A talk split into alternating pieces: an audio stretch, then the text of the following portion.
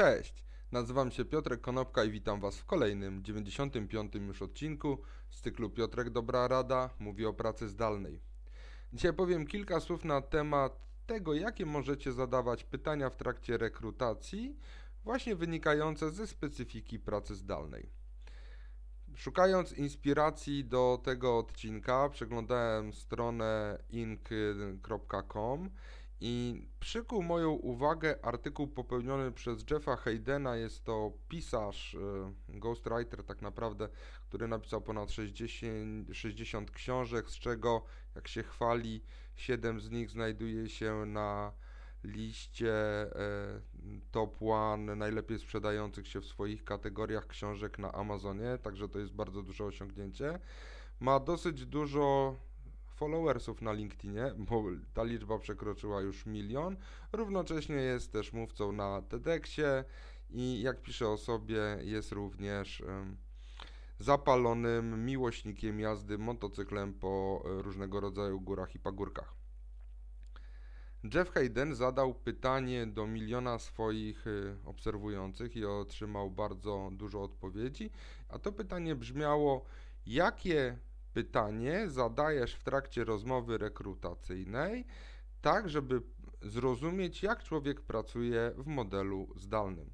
I Jeff wybrał kilka najciekawszych odpowiedzi, które równocześnie zebrały e, najwięcej komentarzy pod spodem, i dzisiaj właśnie chciałbym Wam e, opowiedzieć o tym, jakie pytania ludzie zadają właśnie w trakcie procesów rekrutacyjnych.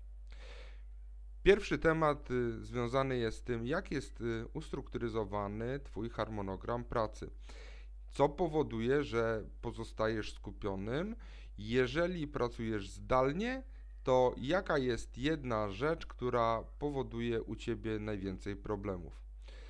To pytanie pokazuje, w jaki sposób człowiek e, potrafi pracować, jak umie sobie narzucić swoje własne ramy. Co ważniejsze, tu został dodany dopisek, że w trakcie zadawania, e, czy osoba zadająca takie pytanie wymaga rozmowy rekrutacyjnej prowadzonej przy użyciu kamerki, nie tylko przy użyciu telefona czy połączenia głosowego, e, bo chciałaby zobaczyć, jak, ta, e, jak rekrutowany radzi sobie właśnie z pracą zdalną. Drugim tematem, który jest poruszany i który wywoływał najwięcej komentarzy, jest jak, co, co robisz, żeby Twój team był zaangażowany i żeby relacje między nimi istniały i żeby ta współpraca nabierała jakichś bardziej realnych a, kształtów właśnie w trakcie pracy zdalnej. To jest pytanie, które może być skierowane zarówno do menedżerów wyższego, średniego e, szczebla, jak i osób zarządzających zespołami projektowymi w modelu rozproszonym, niezależnie od tego, czy większość z tych ludzi znajduje się w domach, czy pracuje w różnych lokalizacjach. Kolejnym pytaniem, które bardzo dobrze odzwierciedla kwestie związane z pracą zdalną jest, czy mógłbyś podać przykład, w trakcie którego, w trakcie e, zarządzania zespołem e, rozproszonym, trzeba było dostarczyć projekt w określonym czasie i w jaki sposób zespół rozproszony poradził sobie z tym zagadnieniem? Jest to pytanie, wydaje się, dosyć e, ogólne, bo nieważne, czy będziemy pracowali stacjonarnie, czy będziemy pracowali zdalnie, to jednak y, zadanie pytania e, w kontekście zespołu rozproszonego, jak można dopiąć projekt y, pod względem deadline'u i odpowiedniej jakości. O, tutaj chodź koteczku, chodź, pokażesz się? Nie, nie pokażesz się. Ja mam tutaj takich zdalnych pomocników, którzy czasami chodzą i miałczą dookoła mnie. Teraz akurat mamy niedaleko Ragnara, a Geralt gdzieś tam w oddali biega. Dobra, a kolejnym zagadnieniem jest jakie pięć przedmiotów masz u siebie przy biurku w trakcie pracy zdalnej i dlaczego?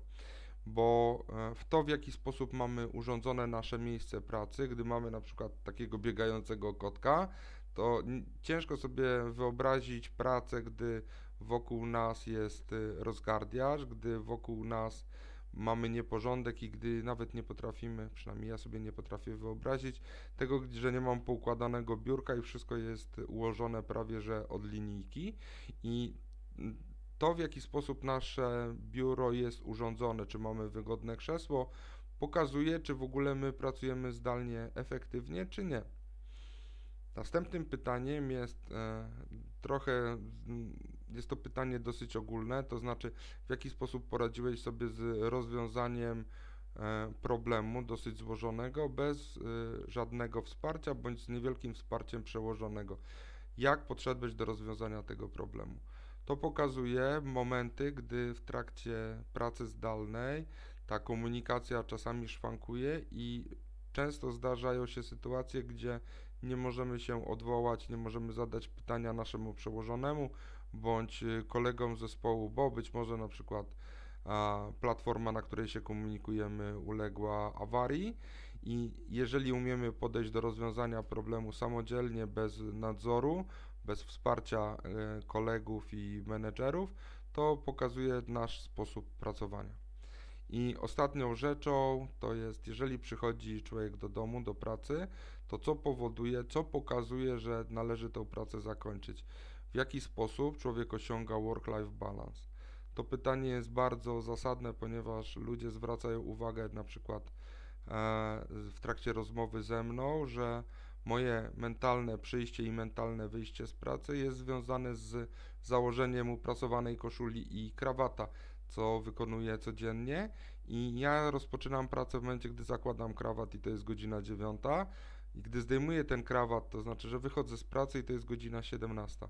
W ten sposób sam sobie narzuciłem ramy pra pracowania zdalnego. I teraz zadając pytanie o to, w jaki sposób work-life balance osiągają ludzie w trakcie y, aplikowania o pracę, pokazuje nam, czy ta osoba będzie dobrze się czuła z nami w naszej firmie i czy będzie dobrze pracowała.